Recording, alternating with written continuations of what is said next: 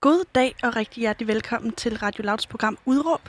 I dag, hvor vi har Maja Patrea Fox med. Velkommen til. Tak skal du have.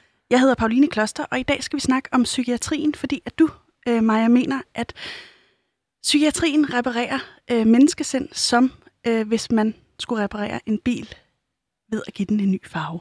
Fuldstændig. Akkurat. og vil du ikke lige fortælle, øh, hvad er det, du mener med det? Det, jeg mener med det, det er nok det med, at når man bliver indlagt i psykiatrien, øh, så får man rigtig hurtigt en masse medicin, øh, som jeg plejer at kalde en overfladebehandling. Mm. Øh, så bliver man sendt ud igen kort efter, og du har fået en ny farve, ligesom en bil. Men altså, der er ingen, der har rørt ved motoren, der er ingen, der har rørt ved... Nu kender jeg ikke så meget til biler i det hele taget, men, men der er ikke nogen, der har rørt ved det indre som sådan. Og øh, er, det, er det, måske skal vi lige sige, at du har selv været indlagt på Sankt Hans Hospital og øh, har lidt i dit sind ja. af nogle omgange. Øh, vil du ikke lige fortælle mig, øh, du, du er forfatter, du er digter, du har haft en døds, døddyrsamling som barn. Ja. hvordan har, men ja. En lille smule. Øh, men hvordan har det været at være dig? Jamen, det har det både været øh, ualmindeligt spændende og fantastisk at være mig. Men det har også været rigtig hårdt, og ja, jeg har været et lidende menneske, siden jeg blev født, tror jeg. På, altså, det kan både være godt og dårligt. Øh, Hvordan kan det være godt? At jeg, jeg tror måske, at jeg har det med at blive øh, en lille smule mere begejstret over små ting, mm. end, end så meget andet. Også fordi, at, at det har været så mørkt og, og sort. Men jeg tror også, at der udspringer rigtig meget smukt og godt af mørke og sorte ting. Det lyder godt nok gotisk, det kan jeg godt høre. Men, men det tror jeg simpelthen på. og hvad, hvad er det, der udspringer af, af det, det mørke, som du ser det? Øh, puh, det er jo, jeg ved ikke, om man skal kalde det en form for... Hvis jeg siger klarsyn, så lyder det også lige religiøst nok, og det skal det slet ikke være. Øh, jeg tror bare også, at, at, at lidelse og smerte, det er en lige så gældende følelse i alle mennesker, som, som glæde og ja, alle de andre følelser, man nu end har. Mm. Øh, og dem, der, der negligerer samme, de, de går glip af rigtig meget, og de, og de lyver for dem selv. Det er som om, at de ikke vil, der er ingen, der vil se på det her, at lide, at, at føle smerte, om det så er i krop og sind. For eksempel, hvis man, hvis man brækker benet, eller har cancer, eller et eller andet, og man kæmper med det her, så er man en fighter. Man er en, uh, hvor er du stærk, og sådan noget. Men alligevel så kalder man folk, der kæmper med sindet, det kalder man psykisk sårbar. Mm. Psykisk sårbar er det mest åndssvage ord, jeg nogensinde har hørt. Altså. Fordi man ikke er sårbar, men... Er man jo ikke. Man er jo nærmest en fuldstændig elitesoldat, altså i forhold til så meget andet. Og det kan jeg jo sagtens sidde og sige. Altså, det er jo... Men det, altså, de mennesker, jeg har mødt, når jeg har været indlagt, det er jo... Jeg har fandme aldrig mødt noget lignende. Altså, det er jo... De burde faldet fra hinanden for 100 år siden. Mm. Men alligevel sidder de der. Nogle af dem med kun to tænder tilbage og sådan noget, ikke? Men de er der fandme stadig. Og det altså, har du respekt for? Fuldstændig. Ja. Øh, hvornår blev du tilknyttet psykiatrien? Jamen, øh, jeg kan, allerede der var omkring, omkring 13 år, der begyndte jeg, der kom sådan noget ungdomspsykiatri. Mm. Fordi jeg var sådan lidt, jeg var lidt smådeprimeret. Lidt mere end normale teenager, tænker jeg. øh, og så gik jeg til sådan nogle møder, jeg fik noget, jeg ved, jeg skal, jeg skal ikke rigtig huske det længere. Jeg gik altså sådan noget samtale, et eller andet. Så siden du var øh, 13 år, øh, godt og vel, og har været det øh, frem til nu nærmest? Ja, det vil jeg For et par år siden? Ja, to år siden. Ja. Nu, deromkring. Og hvad er det, der er galt med, med psykiatrien, som du ser det, udover at de er overfladebehandler? Altså, er der, er der et eller andet sådan... Øh... Altså, som sådan, så er det jo egentlig ikke psykiatrien, der er den, den, den store onde mand kun. Det er jo faktisk systemet, øh, synes jeg. Men psykiatrien, den måde, de arbejder på nu, det er, det er, det, de tager identiteten ud af de patienter, der er der. Jeg næsten synes, at de nedbryder mere, end de for eksempel hjælper folk med at vokse. Øh, og det, jeg vil hurtigt sige, det har ikke noget med personalet at gøre. Det har ikke noget med, med, med doktorne, lægerne, altså, psykiaterne. Det er den måde, som, som systemet har sat psykiatrien op på, den måde, de arbejder på. Fordi at det, det, er jo, det er jo decideret dumt. Fordi at de sparer ingen penge. Nu kan vi godt snakke penge, for det kan de jo rigtig godt lide. Ikke? altså, folk bliver indlagt igen. Det er svingdørspatienter. Det er, de er ikke færdigbehandlet, når de kommer ud. Øh, det hele starter bare forfra, det koster flere og flere penge. Hvis de brugte mere tid på for eksempel psykolog, øh, ja, eller ansatte socialpædagogiske øh, something something. Det vil hjælpe. Altså, og, og så kan det godt være, at behandlingerne vil tage længere tid. Men altså, gode ting tager lang tid. Sådan er det. Vi kan ikke gøre det på den måde. På den måde, de gør det nu, så bliver det bare ved med at komme tilbage igen og igen, tilbage igen i sådan en lang, ond cirkel af desperation. Og der er ikke tid nok. Altså, det er fuldstændig åndssvagt. Ja. Og, og de her erfaringer, dem, dem øh, bygger du dels på, at du selv har været indlagt, og, og øh, er der andet, du... Øh... Jeg, jeg har jo selv været indlagt i hvad det, 16 måneder på Sankt Hans, og så har jeg været ud af en af nogle andre, altså Gentofte, Bispebjerg og sådan noget. Og så har jeg jo arbejdet som socialarbejder her de sidste to år, hvor jeg også har været vidne til, at, at rigtig, rigtig syge mennesker, de bliver simpelthen bare udskrevet igen. Mm. Altså, hvad, de bliver indlagt i 24 timer måske, og så bliver det udskrevet igen til gaden. Ja. Altså, det er jo... Er det, er det psykiatrien hele vejen rundt, øh, den er gal med, eller, eller øh, er det er det, det, det, det øh, hvad skal man sige, det, det store system? Det er systemet. Ja. Jeg kan ikke fordrage den måde, systemet arbejder på. Er der, altså, et, er der et alternativ? Det synes jeg. Jeg synes, vi skulle blive mere menneskelige. Jeg synes, vi skulle gå i dybden med ting. Øh, som, som det er nu, så bliver folk øh, et tal. Så bliver det tid og penge, det kommer til at handle om. Hvor det i virkeligheden handler om, om menneskeliv. Ikke? Der er folk, der dør på grund af det her. Altså, jeg har set det. Der er folk, der... Jeg har siddet på en lukket afdeling på Amager Hospital en gang, hvor der var en, en kvinde, der hang sig selv i en øh, elledning, hvor hun blev kørt ud. Mm. Øh, fordi at, at det kan være masser af grund til. Det kan også være, at hun var rigtig, rigtig, rigtig alvorligt syg i sit sind, ikke? Men det kan også være, at det er fordi, tingene gik for langsomt. Og dit indtryk er det sidste? Det er det. Øhm, Maja, jeg kunne godt tænke mig lige at høre, hvad er dit øh, drømmescenarie, øh, hvad det her angår? Systemet og psykiatrien? Mit drømmescenarie er, jeg ved godt, at, at man ikke at man ikke kan gøre det så menneskeligt, som jeg vil håbe på, man kunne. Men mit, mit ønske er helt absolut, at, at der bliver ansat i hvert fald flere pædagoger, øh, flere socioassistenter, øh, ønsker mere frihed til de indlagte på, til, til det punkt, som er godt for dem og deres sygdom. Mm. Øh, jeg ønsker, at, at, at stigmaet det bliver bekæmpet. Jeg ønsker, at... Mm, hvad fanden ønsker jeg? Jeg ønsker rigtig mange ting. Men, mm. men, men det er svært at gøre noget ved det. Også fordi jeg, har, jeg, har, jeg har jo snakket med rigtig meget personale omkring de her ting også. Jeg har, jeg har jo for fanden mødt virkelig mange altså socialfaglige, sundhedsfaglige, psykiater derudaf. Og de er jo alle sammen enige med mig. Det er jo det, der er det mest fucked up. Alle er jo enige med mig. Eller der er nok et par stykker, der synes, jeg er lidt åndssvagt også, men... men Jeg vil bare ønske, at, at vi kunne tage pengene ud af mennesket på den måde.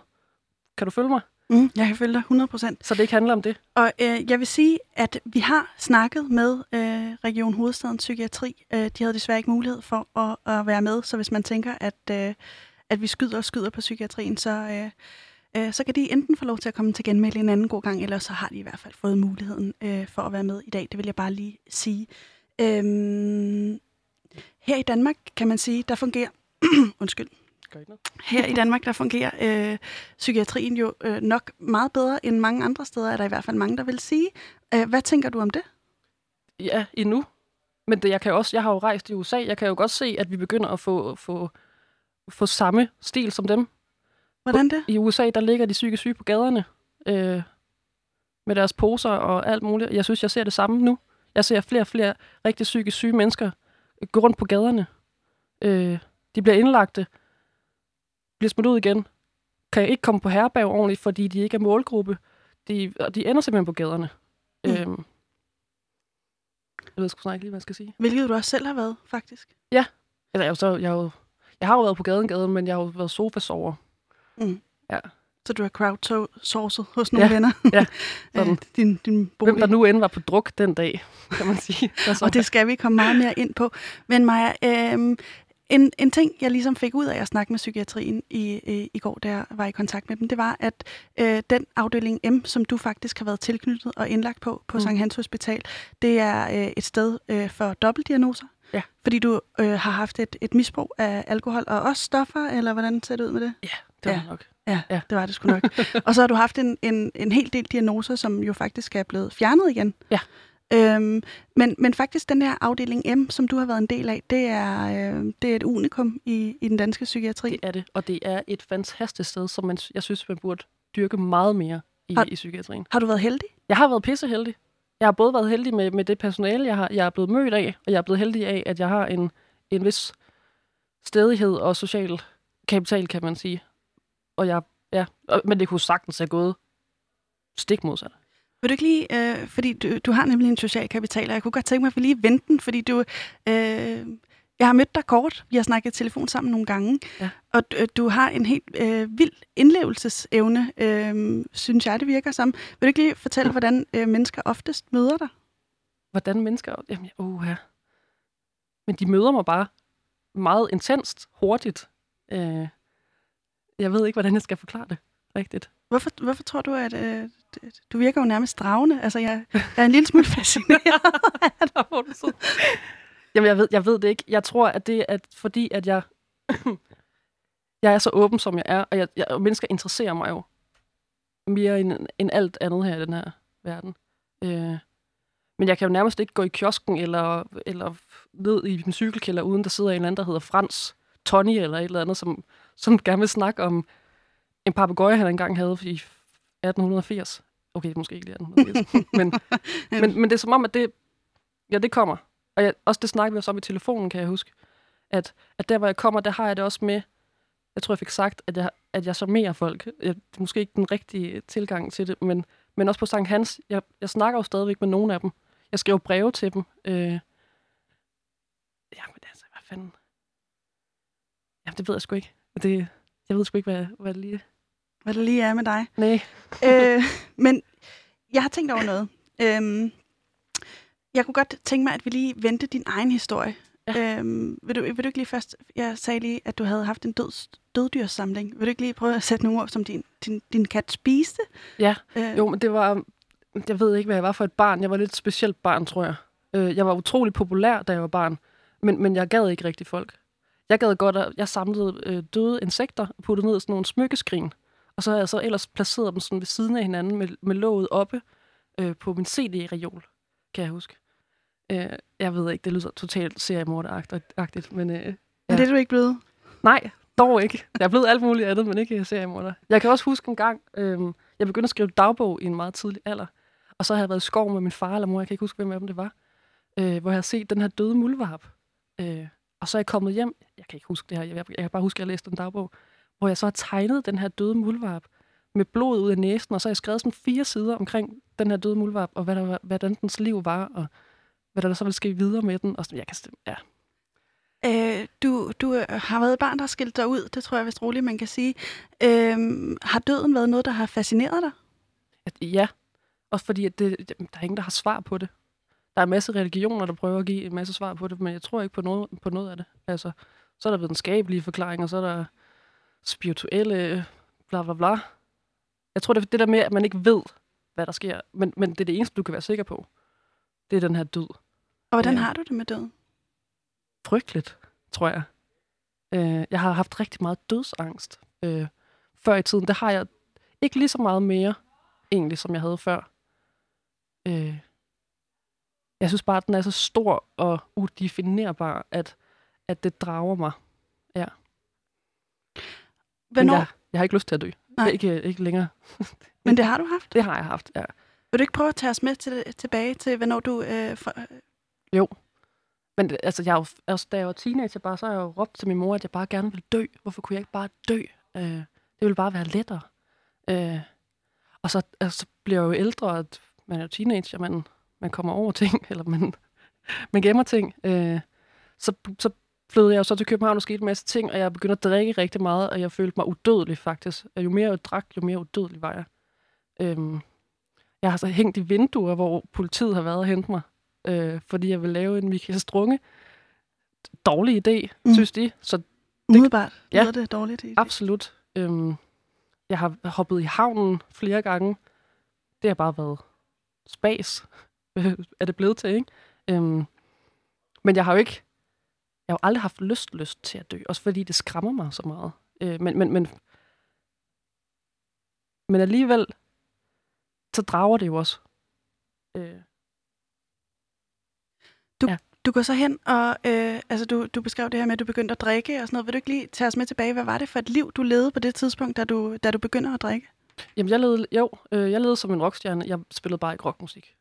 Øh, det var sådan set det. Det var, jeg vågnede om morgenen, øh, så begyndte jeg at drikke hvidvin øh, og skrive, øh, indtil mine hænder ikke rystede mere. Så kunne det være, at jeg kunne gå udenfor. Så kunne det være, at jeg kunne skrive til nogen, hvem er på druk i dag? Hvad skal vi i dag? Er der nogle faniseringer? Er der noget, vi kan gå til? Øhm, ja. Og så, øh, og så blev det bare mere og mere. Øh, så det var, det var ikke særlig pænt. Det var ikke charmerende længere til sidst. Det blev mere sådan noget mere, at jeg kom på Bobibar sammen med de ældre herrer omkring kl. 12 om formiddagen. Så drak jeg måske 4-5 guldøl sammen med dem, snakkede politik, røg en masse rød prins. Øh, som faktisk, det faktisk savner jeg lidt. Men, men hvis jeg så bare havde stoppet den der, men det gjorde jeg jo ikke.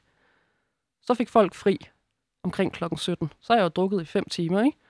Øhm, Og var du fuld på det tidspunkt? ikke rigtigt. Nej. Jeg havde det bare godt igen. Jeg kunne tale, jeg kunne gå. Øh, Er der ikke en eller anden, altså du er 29, du er to år ældre end jeg er. Er der ikke en eller anden, øh, jeg prøver bare at sætte mig i dit sted, er der ikke en eller anden stopklods på et tidspunkt, hvor du tænker, okay, nu er det her for meget? jo, jeg kan huske, at jeg ligger på, på floss øh, og brækker mig i toilettet klokken er halv tolv om aftenen eller sådan noget. Og så kommer der blod med op øh, i det der bræk. Vildt fedt at stå og snakke om. Sådan, hej, hej. men, øh, og der kan jeg godt huske, at jeg tænker, så for helvede, det er ikke helt så godt. Øh, men så ryster jeg det spejlet af mig, og så går jeg ud og bestiller en guldhænder og fanden branke mere. Øh, og jeg kan mærke, den der, den der angst, den der grundangst, øh, den, den vokser. Jo mere jeg drikker, jo mere er den der bare mere og mere hver morgen. Øh, og, men, men så det eskalerer jo. Jo mere alkohol skal jeg have, øh, så begynder jeg at tage rigtig meget kokain. Mm. Også for at blive frisk igen. Fordi det, det er fandme meget alkohol, man skal drikke. Det er hårdt arbejde. Det er hårdt arbejde. Ja. Øhm, ja. Det, det stikker rigtig meget af. Øh, så, ja, og så får jeg så den her...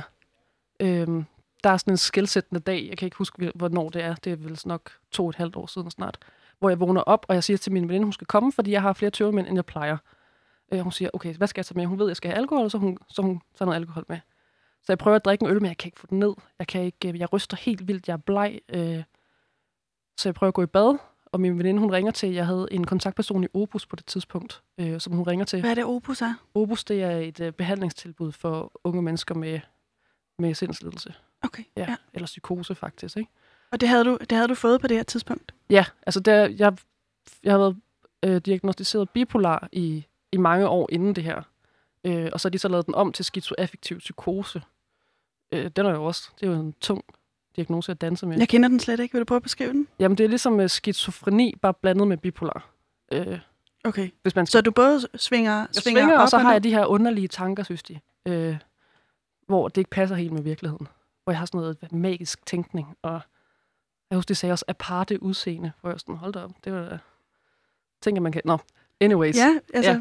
fordi du, du har tatoveringer? Har tatoveringer går i sort tøj, og havde, havde på det tidspunkt en stor sort hat på, hvor jeg tænkte, det har da ikke noget med noget at gøre, men det har det åbenbart, synes systemet. Okay. Ja. Og det var det er problematisk, synes du, kan jeg se for dig? Ja, det synes jeg da. Jeg synes, at folk, altså, de har lyst til at gå med en badehat på hovedet, så synes jeg, at de skal have lov til det. Øh, men, men jeg kan da godt se, at hvis man stikker lidt ud fra, fra normen, så må der være noget galt. Der er ikke nogen, der overvejer, om det er normen, den er galt med. Altså ikke fordi jeg siger, at alle skal gå med badehatte eller noget, men, men hvis man har lyst, skal man da have retten til det. Uden at blive erklæret sindssyg. Er det? Øh, hvad, hvad, for en, hvad for en periode øh, var det her, da du drikker, og du, du, du, du har tømmermænd, din veninde kommer? Ja. Og hvad så? Jamen, så ender det jo så, for at gøre en lang historie lidt kortere, så ender det jo så med, at øh, ambulancen kommer, fordi at jeg har en alkoholforgiftning og nok også en overdosis af benzodiazepin og kokain på samme tid. Hvad, Øh, hvad er det, benzodiazepin er? Benzodiazepin, det er et, øh, ja, det er jo, det er noget rigtig lort. Og jeg synes lige så godt sige med det samme, dem der er på det, stop med at tage det. Øh, kommer så selvfølgelig an på, hvor lang tid Vi jeg... clearer den måske også med, med dem, der trods alt er i systemet. Absolut, ja. Vil få en øh, god aftrapning, udtrapningsplan, øh, plan, for det er noget rigtig, rigtig skidt. Øh, det er noget, det bliver brugt til af svære tilfælde af angst. Det er sådan en PN-pille, kan man nærmest sige. Ikke? Øh, det er en, åh, hvordan forklarer jeg det? Den går ind og bedøver dit nervesystem. Det får dit nervesystem til at slappe af. Det er en nervemedicin. Altså. Øhm, og jeg er blevet medicineret med det der på det tidspunkt i omkring to halvandet år, tror jeg. Øh, så min krop er blevet afhængig af det. Mm. Øh, jeg skal have mere af det, øh, end jeg skulle i starten. Øhm, og, og det er faktisk det, når man er på det. Man, normalt, benzodiazepin er rigtig god i 14 dage, hvis man har en livskrise. Hvis man er i dyb sorg, hvis man har fået en psykose, et eller andet. Nu er jeg jo ikke uddannet i medicin eller noget. Nej, siger- så det, det er også vigtigt at sige, Det er lige at man skal det. lige lytte til sin egen læge i den her sammenhæng. Absolut. Ja, Men det er det, jeg har fået at vide af min læge. Ja. Det kan jeg jo godt sige. det kan du. Men jeg er ikke uddannet. Nej. Øh, hvor kom jeg fra? Hvad er det, jeg vil sige? Det er benzodiazepin, hvordan det, du, du havde fået dem ordineret, du begyndte Ja. at blande dem med kokain. Jeg, jeg blandede dem ikke. Jeg tog dem bare, som jeg skulle. Og så tog jeg dem ikke, når jeg drak, fordi det kan man dø af. Det er jo det, det, er jo, det er alle de store dør af, faktisk. Øhm, ja. Men så har jeg så begyndt at tage det igen, fordi jeg stoppede med at drikke, og det er så bare ikke blevet så godt for mit system, kan man sige. Øh, og de der ambulancefolk, de kommer så, og de kigger på mig, og de siger, at den er, den er ikke så god. Øhm, jeg kan ikke noget. Jeg ligger med, med mit hoved øh, på puden, mens jeg har hænderne op foran mit, mine øjne, og jeg siger, jeg kan ikke bevæge mig, fordi hvis jeg bevæger mig, så dør jeg. Øh, jeg var helt sikker på, at jeg skulle dø. Øh, alt ryster, jeg er bleg, jeg er koldsved, øh, mit hjerte galopperer, jeg kan ikke mærke mine ben. Øh, og det, det er ikke på sådan en panikangstanfald-måden. Det er, det er, det er ved døden. Jeg, det føles som døden. Jeg følte, at jeg skulle dø. Øh, ambulancen siger, hvis, hvis din mor ikke kommer og kan være hos dig, så tager vi dig med på røde papir. Så må politiet komme og sige, at du skal med. Og på røde papir, det betyder, at du ikke vil have et valg, Så at du bliver tvangsindlagt. Øh, min mor kommer. Heldigvis. Jeg elsker min mor. Øh, og, jeg, og det ender med, jeg tror, jeg ligger i tre dage i den seng, uden at spise eller gå på toilettet. Øh, min mor prøver at få noget vand i mig. Øh, en dag efter det her sket, jeg har det stadig på samme måde, jeg tror, jeg skal dø, hvor jeg bare brækker mig ud over hele sengen simpelthen. Fordi at jeg, og det er ikke fordi, at jeg har det dårligt, det er fordi, at jeg er så bange, at jeg brækker mig. Øhm, ja, jeg tror, at det går fem dage, før jeg overhovedet står ud af sengen. Rigtigt jeg får, jeg får noget mad og sådan noget, men, men Men du bliver ikke indlagt på det her tidspunkt. ikke, øh, der, der går faktisk 14 dage, før jeg, jeg melder mig selv på psykiatrisk afdeling på Bispebjerg, fordi jeg vil udtrappes af den her medicin. For du har en på fornemmeren, at det, det den er galt Ja. med. Også fordi den, den angst, der kom, det er jo noget, jeg har jo haft angst, siden jeg var barn. Øhm, jeg kunne bare mærke, at det her, det var ikke den angst, jeg kendte. Det var mere sådan en kemisk angst, sådan en, der angreb på sådan en underlig, zigzagget måde, tror jeg. Øhm, og så kommer jeg jo så hen på den der, øh, på Bispebjerg, og det siger så, ej, men det er oppe i dit hoved, du kan bare tage, du får noget, du får noget lyrika, du får noget mere medicin, øh, bla bla bla. Og så siger jeg, jeg skal ikke have mere medicin. Jeg skal øh, trappes ud af det her medicin. Øh, og de er slet ikke enige, men jeg er så stadig, jeg simpelthen får lov til at ligge øh, i to måneder, og så trappe mig selv ud, så meget jeg nu kan af medicinen. Og det tog jo i alt næsten 5-6 måneder at trappe mig ud af den medicin, jeg var på, på benzodiazepinerne. Mens du er indlagt? Ja. Øhm, før vi lige går ind i den øh, indlæggelse, så kunne jeg godt lige høre, at du sagde, du sagde nemlig før, at øh, det er noget, alle de store er øh, døde af, benzodiazepin og alkohol. Ja. Jeg kunne godt tænke mig lige at vide, hvor vigtig er den der øh, øh, digteridentitet for dig? Ikke lige så vigtigt, som den måske har været.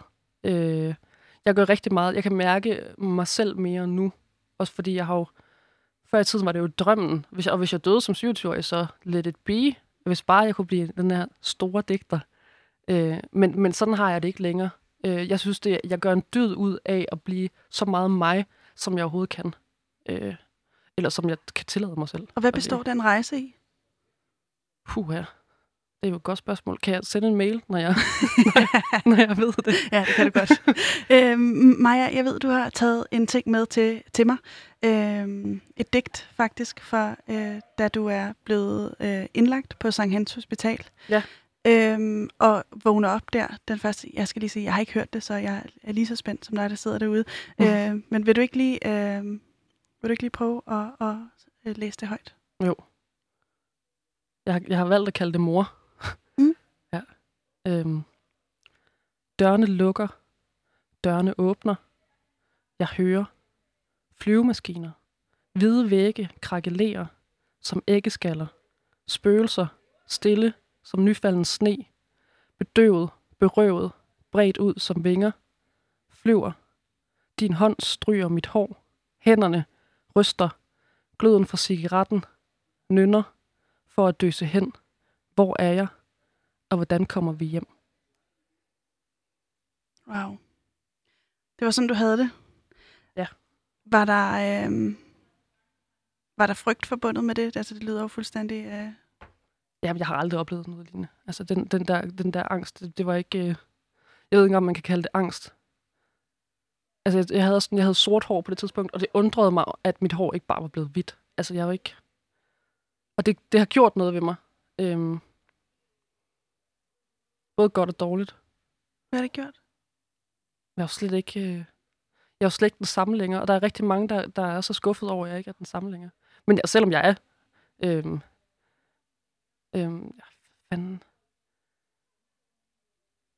det har bare sat rigtig mange ting i perspektiv for mig. Det er ikke ligesom om, det, man kan godt kalde det en nærdødsoplevelse. Det, det kunne man godt. Øh, og det ved folk, hvad er, og det, det var meget lige til, ikke? Øhm, men den her nærdødsoplevelse, den var bare fucking lang. Det var måneder. Det var, altså, det var i hvert fald uger, hvor jeg havde den her fuldstændig invaliderende angst. Øh, jeg kan huske en af sygeplejerskerne, han hed Flemming, min, min favorit.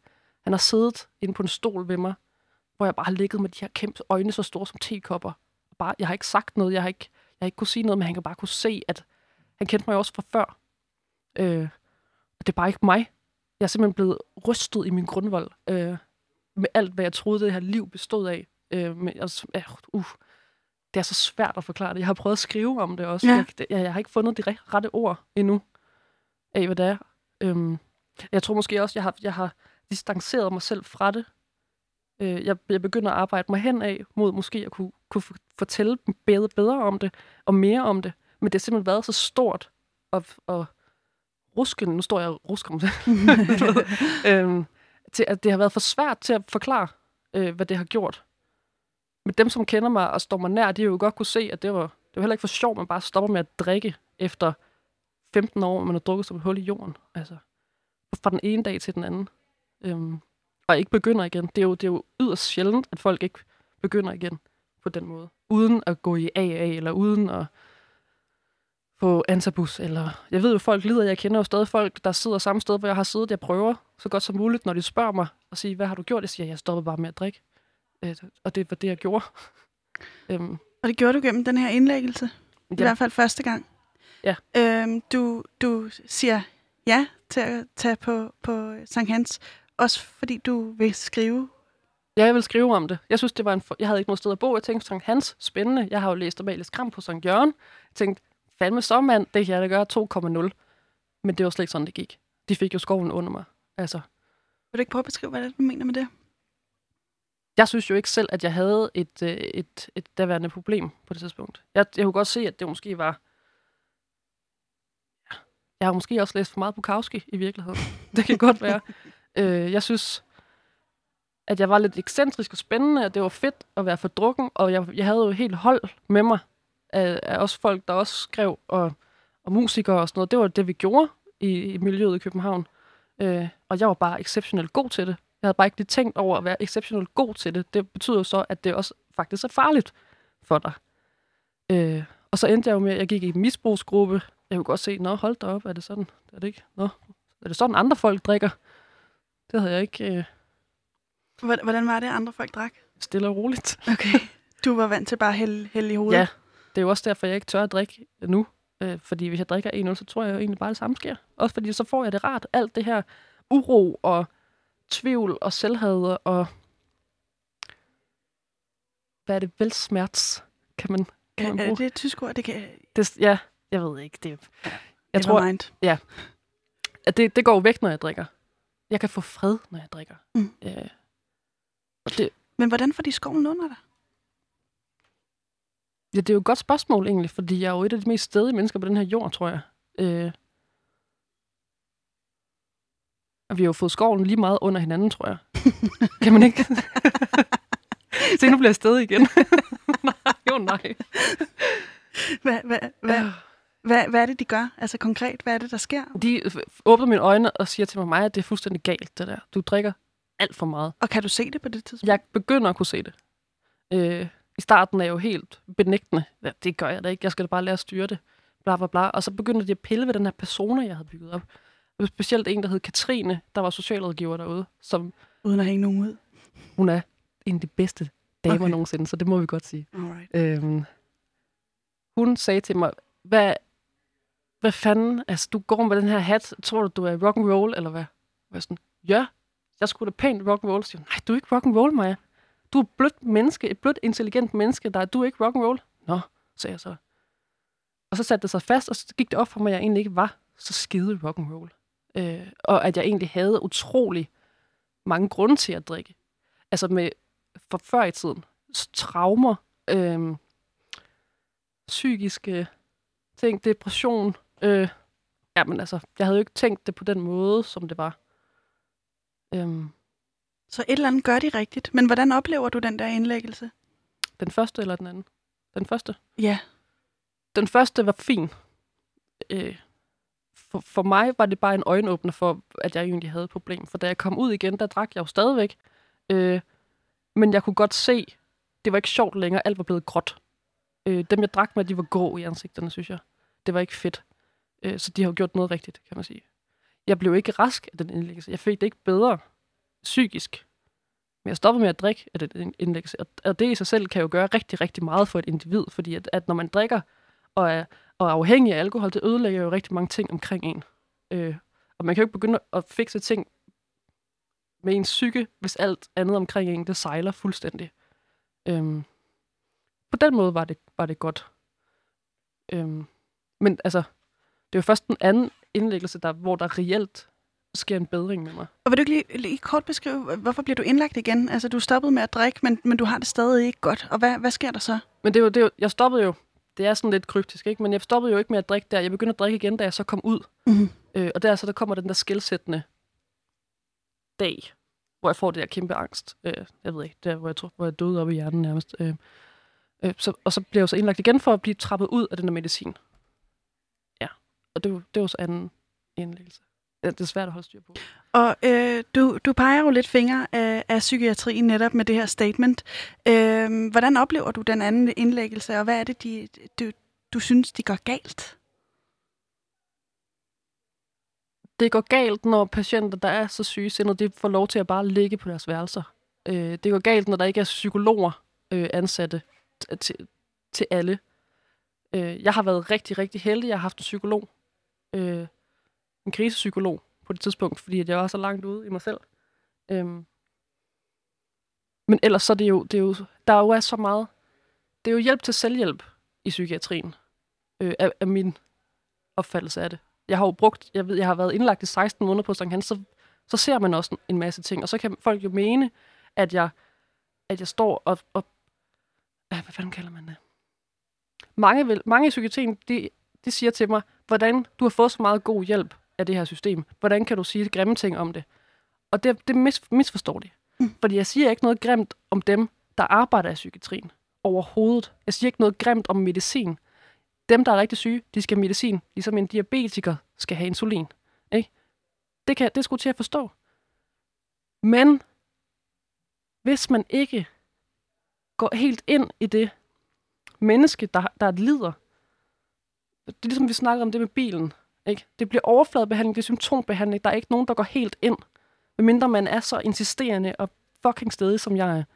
Ikke? Og, og det er folk bare ikke. Og det skal folk fandme heller ikke være, når de lider på den måde. Det kan man ikke forvente af dem. Jeg kan blive helt gal igen. Sorry. Hvis du lige er hoppet på linjen, så vil jeg sige velkommen til. Du lytter til programmet Udråb i dag med Maja Petrea Fox. Yes. Øh, vi snakker om psykiatrien, og vi snakker om, at du synes, at de reparerer menneskesind, som øh, hvis man gav en bil, eller reparerede en bil med en, med en ny farve, ved at give den en ny farve. Ja. Øhm, du har været indlagt i, noget, i to, af to omgange på Sankt Hans Hospital. Øh, dobbeltdiagnose. Du har øh, drukket og haft et misbrug, samtidig med, at du har haft psykiske diagnoser. Øh, da du så bliver udskrevet, øh, hvem, hvilken, hvilken Maja er det, de udskriver? Det er den, den samme Maja, men en fuldstændig porøs og, og, og skrøbelig Maja. Øh, fordi alt inde i mig er jo ændret. Øh, men alt, jeg kommer hjem til, er akkurat det samme. Alle dem, jeg kender, er de samme. Øh, min lejlighed er den samme. Øh, Og det er et problem. Det kan det være, og det, og det er det. Øh, igen, jeg er utrolig stedig. Jeg finder veje. Øh, men igen, er man psykisk syg, så er man psykisk syg. Og, og, og man kan ikke bare forvente, at folk kan gå ud og lade være med at drikke, og nu snakker vi dobbeltdiagnose igen, ikke? Hvordan skal du lade være med at gøre, som du plejer, når du kommer hjem til et sted, hvor alt er, som det plejer? Altså, hvordan, hvordan fanden gør man lige det? Øhm, Hvad gør du? jeg græd rigtig meget, kan jeg huske. Og jeg så ikke nogen mennesker de første tre måneder. Jeg kunne ikke øh, handle ind længere. Jeg havde været indlagt så længe. Jeg kunne ikke øh, noget som helst næsten. Jeg husker, i starten der sad jeg oppe i min sofa og sov med en kniv i hånden, fordi at jeg ikke vidste, om der var nogen fra før i tiden, der kunne huske, hvor jeg boede. Øhm, ja. Men så fik jeg et arbejde. Ja, Og det hjalp dig? det hjalp mig rigtig meget. Det der med at blive og lukket ind i... Øh, ja, er det i systemet? Kalder vi det det? Eller hvad kalder vi det? Et fællesskab, vel? Ja, lige præcis. Det der med at blive inkluderet i noget igen. Ikke at blive ekskluderet. Ikke at være den der psykisk syge på 3 Fox. Alkoholiker på 3 Fox. Øh, vanvittige på 3 Fox. Lever alene, bla bla bla. Men det der med at komme ind i noget, hvor man bliver en del af samfundet igen. Det hjalp mig. Og det, og det sker bare heller ikke rigtigt. For når man bliver udskrevet fra et psykiatrisk sengeafsnit, så kommer man bare hjem, og det kan være, at du bliver tildelt, tildelt en uh, paragraf 85 støtte måske. Det er sådan en bostøtte, der kommer og siger, goddag hver 14 dag, når du har ikke slået dig selv ihjel endnu. Bare for at være sådan lidt, Grov. ikke? Og hvor- hvor, hvordan kan det være inkluderende? Igen, stigma, ikke? Så du er stadigvæk syg, du kan sidde derhjemme, hvad skal vi gøre? Så kan du komme ned i jobcenteret, og jobcenteret siger, åh, det kan være, du måske kan prøve at komme i arbejdsprøvning, du kan bla bla bla. Øhm, men det er stadigvæk en hverdag, hvor du igen bliver stemplet som om, at der er noget fuldstændig fucking galt med dig. Og selvom du er psykisk syg, så er der ikke noget galt med dig. Ikke? Du er et menneske. Og mennesker bliver syge i sindet. Mennesker bliver syge i kroppen. Altså, Så du, du satte også ord på det her med, at det har været, øh, altså psykiatrien var hjælp, hjælp til selvhjælp. Øhm, efter din drøm, hvordan skulle det der så have foregået anderledes, før du følte dig taget i hånden og, og, og følte til dørs, kan man ligesom sige, i din Øh, proces? langsom udslusning. Øh, pædagogisk støtte på afsnittene. Ikke fordi jeg selv er super pædagogisk, men, men det er godt, at der er nogen, der hjælper og siger, hvordan handler man ind? Altså, hvordan eller handler man ind, når for eksempel, hvis man er paranoid skizofren, tror, at der er en stor, høj mand, der følger efter dig hele vejen? Ikke? Hvordan handler man så ind? Hvordan handler man ind, når man har panikangst af at være i nærheden af andre mennesker? Hvordan, altså, bare til et eksempel. Fordi at, og så kan det godt være, at man tror, der er en stor mand, der jagter en, eller man har panikangst, eller man er bange for at dø af alt muligt. Men der er jo ikke noget. Det er jo, det er jo sådan, det er. Altså, det er jo også, hvordan handler man ind, når man har brækket begge ben? Åh, oh, jeg skal lige bede dig Ja. om. Oh, sorry. Ja, du kommer til at gå lidt... du kommer til at stikke lidt af her, der holder jeg dig lige nede. Og det er godt. det skal du også. Nej, Men- men, ja. Ja, Hvordan handler man ind, når man øh, lige pludselig skal sidde i kørestol resten af ens liv? Det vil man jo også gerne vide, hvis man har slået sig rigtig groft, ikke? Det er samme med sindet. Og det, og det skal ikke kun handle om at handle ind. Det handler jo også om at indgå i helt normale øh, sociale relationer. Øh, at gå i banken, handle ind, siger jeg det igen, hold da op. Øhm, helt normale ting. Hvordan kommer man ind i samfundet igen, når samfundet skubber dig selv væk, fordi du ikke er rigtig? Eller hvordan har Ja. du oplevet at blive skubbet væk? Åh, skubbet væk. Jamen, det bliver jo til dels stadigvæk, fordi der stadig er en del stigma ved, at jeg har været den, jeg var. For eksempel også med mit arbejde i, i socialforvaltningen, der er jo også, at, at folk ved godt, at jeg er Maja. De ved godt, at jeg har drukket. De går og tænker rigtig mange, hvornår falder hun i igen? Er hun stadig skør? Øh, bla bla bla. Der, er- når man har, også fordi jeg råber højt om det, fordi jeg synes ikke, det skal være tabu. Men det, det koster også bare på, no, på nogle punkter. Øhm, Og apropos det her med tabuet, så kunne jeg godt tænke mig, at vi lige øh, begynder at snakke om det her stigma, som du også har kastet lys på tidligere. Ja. Øh, for en god ordens skyld, kan vi så ikke lige få forklaret, hvilke diagnoser er det, du har haft og ikke har længere? Øh, depression, angst, generaliseret angst, øh, bipolar sindslidelse, skizotypi, skizoaffektiv øh, psykose og posttraumatisk stress, noget ADHD. 8. Ja. Og der er ingen tilbage nu. Jeg tror stadig, der er nogen, der mener, jeg har ADHD. ja, men nej, ellers er resten, de er slettet. Troede du på det selv? Ja. Jeg kan huske, første gang jeg fik at vide, at jeg var bipolar, der låste jeg mig selv ind og malede i 14 dage. Fordi jeg tænkte, wow, så ikke en kunstner jeg er. Det må jeg jo være, siden at jeg er bipolar. Øh, men, men nej, jeg synes, ikke, jeg synes ikke, jeg har haft... Jeg har godt kunne se, at jeg har nogle træk fra nogle af diagnoserne. Jeg har godt se, at jeg har det med at tænke en lille smule magisk, og jeg, jeg er lidt hurtigt kørende nogle gange, og jeg kan blive trist, og jeg kan have selvhed, og jeg kan alt muligt, men måske føler jeg bare lidt mere, end, end folk generelt gør. Og måske er det bare som om, der er nogen, da jeg blev født, så skruede jeg op for et par knapper. Øh, men jeg tror måske, det ligger i os alle sammen, og så er der bare de der knapper der, der er ikke helt styr på nogle gange. Øhm. Men øh, følte du, at du øh, var et outcast øh, i forhold til det her samfund, eller hvordan er det, stig, stigmaet kommer ind i det øh, for dig, ja. og hvad er det, det betyder egentlig? Men jeg, jeg, har jo, jeg tror altid, jeg har været sådan lidt et uh, outcast. Det kan jeg huske, fra da jeg var barn af. Jeg har også min mor, hun fortalte, at jeg, da jeg var, jeg kan ikke huske, at jeg har gået i anden klasse, der spurgte jeg hende, hvorfor at jeg var en, uh, ligesom en trædukke, når alle de andre i skolen var ligesom porcelænsdukker. Uh, og hun var sådan lidt, hold da kæft, det var det. That's some deep shit, Maja. Hvor gammel er du? um, så allerede fra den gang, der er du siddet fast i, at jeg var outcast. Så jeg har også søgt det, måske. Øh, men jeg har aldrig mødt det så meget, som, som når man har en diagnose, fordi når man så snakker med en læge og siger, at øh, jeg har ondt her, øh, og siger, ah, men du har også angst. Ja, men jeg har jo ondt her. Ja, ja, men det er jo nok bare noget, du bilder dig ind. Det er jo skizoaffektiv psykose, du har, er det ikke det? Nå, okay. Øh, og det er jeg blevet mødt rigtig meget med. Jeg er også blevet mødt rigtig meget med den her næsten kvalmende omsorg også. Hvor man bliver, man bliver sygeliggjort mere, end, end, end, end hvad man egentlig er. For det er jo ikke fordi, at jeg er helt tabt, fordi at jeg eventuelt har en psykisk lidelse overhovedet. Tværtimod. Og altså, det, hvordan? Er der blevet talt ned til dig? Ja, eller? ja, det må du nok kunne forstå, unge pige. Øh, Nå, men det forstår du. Am, am, kan du følge mig? Øhm, ja. Og, det, det, og det, det er ikke så længe siden, det skete faktisk. Øhm, det kan stadig ske. Hvordan? Jamen det er mere det, at folk de tvivler på, om jeg i virkeligheden er rapplet vanvittig. Mm. Om, om det her det er et show, jeg har sat op for at virke normal. Øh, og det kan de vel også. Det har de ret til at være tvivl om. Men sådan forholder det sig ikke. Øh, Ja. Så, så stigmaet kommer primært fra, øh, som du ser det, altså måske skal vi lige forklare, at, at øh, øh, stigma er en, en, en, en kasse, man bliver proppet i. Ja. Eller i hvert fald kan Hvis du stikker ud fra, fra normen, så, så højst sandsynligt er du stigmatiseret. Øh.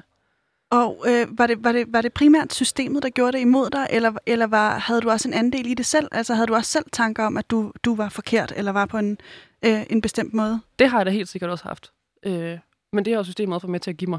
Fordi jeg vokset op i det system, og det er ligesom man bliver opdraget til mor og far, så er et system, det opdrager os folk, fordi vi er dobbelt socialiseret i Danmark. Øh, vi kommer ud, der er skolesystemet, der er hjemmesystemet, der er dit eget system op i hovedet. Øh, ja. Og hvad er det problemet er i, at man får det der markat på, så kan man ligesom sige, når man afviger fra normen? Problemet er, at så er der rigtig mange ting, der bliver gjort svære for dig. Øh, du har ikke lige så gode øh, muligheder som andre. Hvor jeg synes, det er dybt åndssvagt, fordi de burde have lige så gode muligheder. Øh, men det kan man jo ikke bare ændre på inden i morgen. Altså, det, vil jo tage lang tid. Også fordi, at jamen, det er jo... Åh, jeg ved næsten ikke, hvad jeg skal sige om det. Jeg har snakket med øh, projektlederen fra øh, Landsindsatsen, en af os, øh, om det her med stigmatisering. Hun hedder Johanne øh, Bartbo, Bartebo, Bartbo hedder hun, ja, det hedder hun. Øh, og hun øh, sætter lige nogle ord på, på det her med stigmatisering, og hvordan hun mener, det ser ud øh, for, for psykisk syge. Prøv lige at lytte med her. Altså den stigmatisering, som rigtig mange oplever omkring psykiske, at få en psykisk sygdom, det er jo forestillingen om, at man ikke kan blive rask, at man er farlig, fordi man får en skizofreni, måske også en bagatellisering af, hvad det vil sige at få en depression og få angst.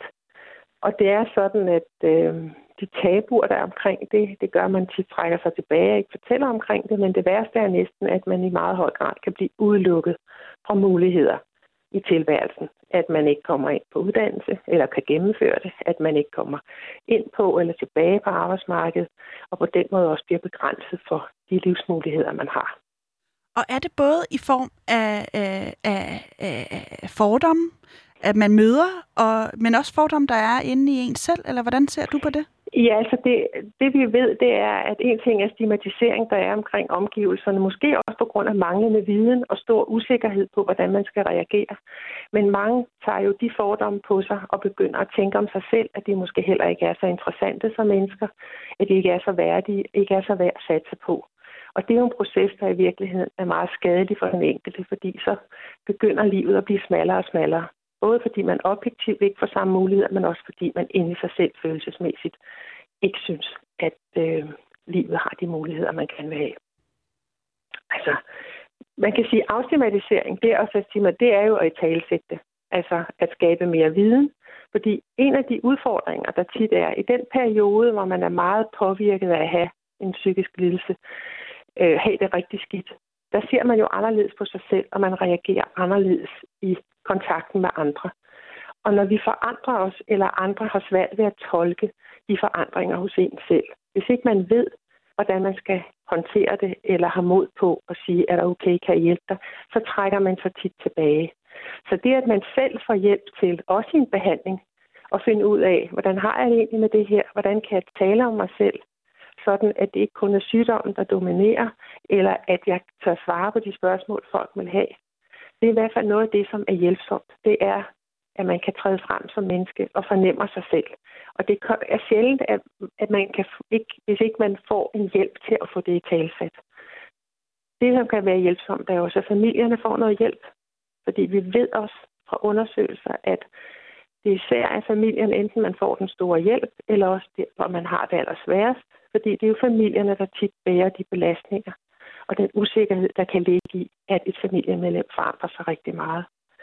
Så åbenhed, viden og konkret i talesættelse omkring de tabuer, vi taler åbent om, at det er sådan. Og så synes jeg jo til uddannelsesinstitutioner, arbejdspladser, i højere grad villighed til at lukke døren op og acceptere, at der er nogle af vores medborgere, der har brug også for nogle særlige vilkår i perioder for at kunne være en del af fællesskabet. Her var hun altså, Johanne, øh, nu skal jeg prøve at sige det rigtigt den her gang, øh, Bartsbo.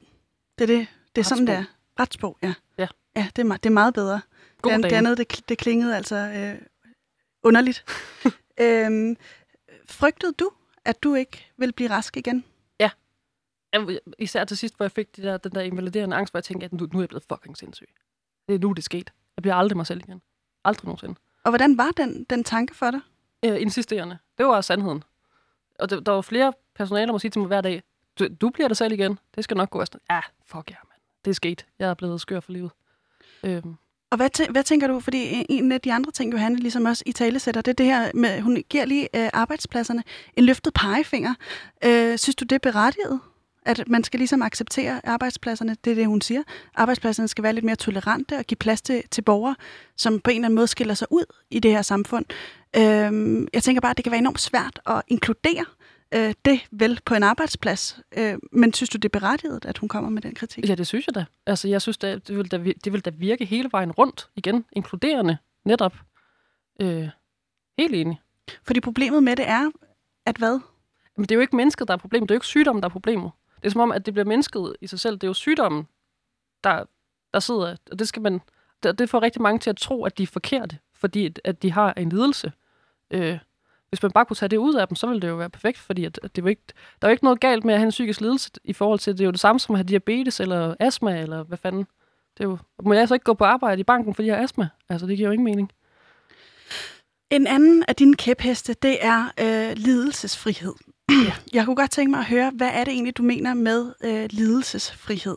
Lidelsesfrihed, det er det med, at vi i, her i landet og samfundet har det med at sige op igen, det bliver godt igen, det skal du ikke tænke på. Øh, så så ikke være ked af det. Og så, why the fuck not? Altså, hvorfor ikke være ked af det? Du har lige så meget ret til at være ked af det, som, som du har til at være glad. Øh, at alle er ikke glade hele tiden. Det er den største løgn, der nogensinde har fortalt. Og hvis du er deprimeret, hvis du har oplevet en livskrise, hvis du er... Altså, du skal være ked af det. Du må gerne lide. Der er ikke noget forkert i at lide. Hvis det først bliver gjort forkert at lide, altså hvad fanden gør vi så? Altså, det er det jo blevet. Igen, vi snakker ikke om det, det her lidelse.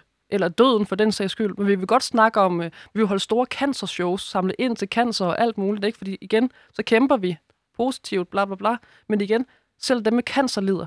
Det snakker vi heller ikke om. Men kan lidelsen ikke også være stagnerende? Altså kan den ikke også fastholde mennesker i en bestemt position, hvor de måske ikke kan netop være en del af, af det omkringliggende samfund? Eller Det- hvad tænker du om det? Det synes jeg ikke. Jeg synes, altså selvfølgelig, du har cancer, du lider. Du har, du har skizofren, du kommer ikke ud, du kan ikke indgå i, i, i det samfund eller i fællesskab. Du lider. Men, der, Altså- men derfra til at så tænke, at det er målet i sig selv, at der skal, øh, at, øh, der skal være plads til, at- til at, øh, at lide, øh, den, den er jeg fuldstændig med på. Men, men er der ikke en grænse for det der med, hvornår lidelsen kan gå ind og dominere et, et sind, som i forvejen er skrøbeligt? Altså er det ikke fint nok, at der er en målsætning om at komme et andet sted hen? Jo, Men kan vi komme det uden at anerkende, at vi lider? Det er jo lidt det, der er spørgsmålet. Hvis vi ikke anerkender lidelsen i mennesket og smerten, hvordan skal det så nogensinde blive bedre? Fordi så prøver vi bare igen ovenpå. Hvis vi ikke går ind i der, hvor det går ondt og det er mørkt, hvordan... Det er ligesom en tunnel, kan man, kan man kalde det det? Du skal igennem den der lortetunnel, hvor alt er mørkt og småt og krybekælderagtigt, for at komme ud på den anden side. Øh, det er den bedste måde, jeg kan forklare det på. Og så er nogle tunneller er jo længere end andre, kan man sige. Storbæltstunnelen for eksempel, den er ret lang. Så, så øh, som jeg hører det, og du må, du må rette mig, hvis jeg ikke forstår det rigtigt, ja. så handler det om, at vi skal, vi skal anerkende lidelsen som en proces, men måske ikke som en statisk øh, tilstand, eller hvad? Ja, altså lidelsen er en proces. Den, når du er lidt længe nok, så rejser du dig også op. Du kan ikke blive liggende på sofaen for evigt. Altså, det, det, man kan gøre, man kan ligge rigtig længe på en sofa. Tro mig, jeg har ligget længe på en sofa. Men på et eller andet tidspunkt, så bliver du træt af det. Og så på et eller andet tidspunkt, der, der sætter sig fast i dig. Men du kan også se, nå, det, det kan jeg jo sagtens stå og sige, ikke? men det, det er min oplevelse af det. Jeg har set det ske med flere. Øh, Og hvordan kommer vi, tror du, vi kommer derhen, hvor at, at lidelsen på en eller anden måde bliver, bliver mere legitim, eller mere okay i vores samfund? hvis vi taler om det. Hvis vi stopper med at sige, øh, det skal nok blive godt igen. Øh, har du prøvet at gå til yoga? Øh, måske bare sige, jeg er ked af, at du har det sådan. Øh, men det er okay. Du må godt lide. Du må godt have det forfærdeligt. Jeg hader, at du har det forfærdeligt, men det må du gerne have. Og øhm, hvis vi bare lige, fordi vi er øh, snart ved vejs ende, desværre mig, at du er godt selskab, og det har været enormt hyggeligt. Tak. Men vil du ikke lige sætte nogle ord på? Øhm, sindet skal ikke repareres som en gammel brugtvogns, øh, eller en, en gammel bil, som, hvor man bare skifter farven ud. Man skal se problemet. Hvad er det konkret, der skal ændres i vores system, hvis du lige vil sådan... Øh, øh, Jeg kan give nogle forslag på til, Ja, tak. hvad, hvad der vil gøre det bedre. Det vil gøre det bedre psykiatri, hvis der bliver ansat flere socialpædagogiske øh, something something. Mere tid, mere øh, dybdegående arbejde. Øh, brug nogle flere penge for helvede. Det kommer jo tilbage igen. Altså jo, mere, jo flere penge vi bruger nu på vores psykiatriske afdelinger, jo, jo flere penge vil I spare i længden. Øh, en anden ting, du også har sat ord på, det er det her med... Øhm, du peger på psykiatrien, du peger på, at der skal nogle flere penge ind. Det lyder meget politisk, men, men hvad, hvad skal man gøre, hvis man sidder derude og tænker, øh, det har du da egentlig ret i? Altså, øh, hvordan kan man så gøre? Altså, har du nogle gode råd til, øh, konkrete råd til, hvad man kan gøre i den situation? Og ikke har den der politiske øh, indflydelse. Okay. Altså hvis, hvad man har det inde i, eller hvad tænker du? Eller Nej, hvad? jeg tænker, øh, hvis man tænker, du har ret i systemet ja. her, øh, psykiatrien, den, den øh, overfladebehandler, den går ikke i dybden. Hvis, hvis man gerne vil være med til at ændre de ting, mm. Øh, for eksempel også med stigmatisering, er der så nogle konkrete råd, man, øh, man kan tage med sig øh, fra den her samtale, som du ser det? tal om det. Øh, kig på, på folk, der lider, og sige, at de gerne må lide. Øh, hvad, hvad fanden kan man sige næsten? Altså råb det højt. Snak om det mere. Vi snakker om det mere, det bliver i talesat, øh, jo bedre. Ikke? Men, men, men hvis man er op mod den her store, kæmpe motherfucker af en psykiatri af et system, så det kan godt blive svært. Men altså, jo flere stemmer, jo, jo bedre. Og jeg kan jo også se, at der er rigtig mange, der begynder at, at fortælle deres historier også. Så man skal åbne sin mund. Det synes jeg. Øh, det blev ordene for i dag, Maja Petrea Fox. Tusind tak, fordi du øh, kom i studiet. Øh, min producer var Thor Arnbjørn. Programmet er produceret af Rakkerpak Productions. Vi er tilbage igen i morgen. Øh, hvis du har mulighed for det, så synes jeg, du skal høre programmet igen, måske med nogle andre ører. Du kan finde det inde på din podcast-app ved at søge på udråb.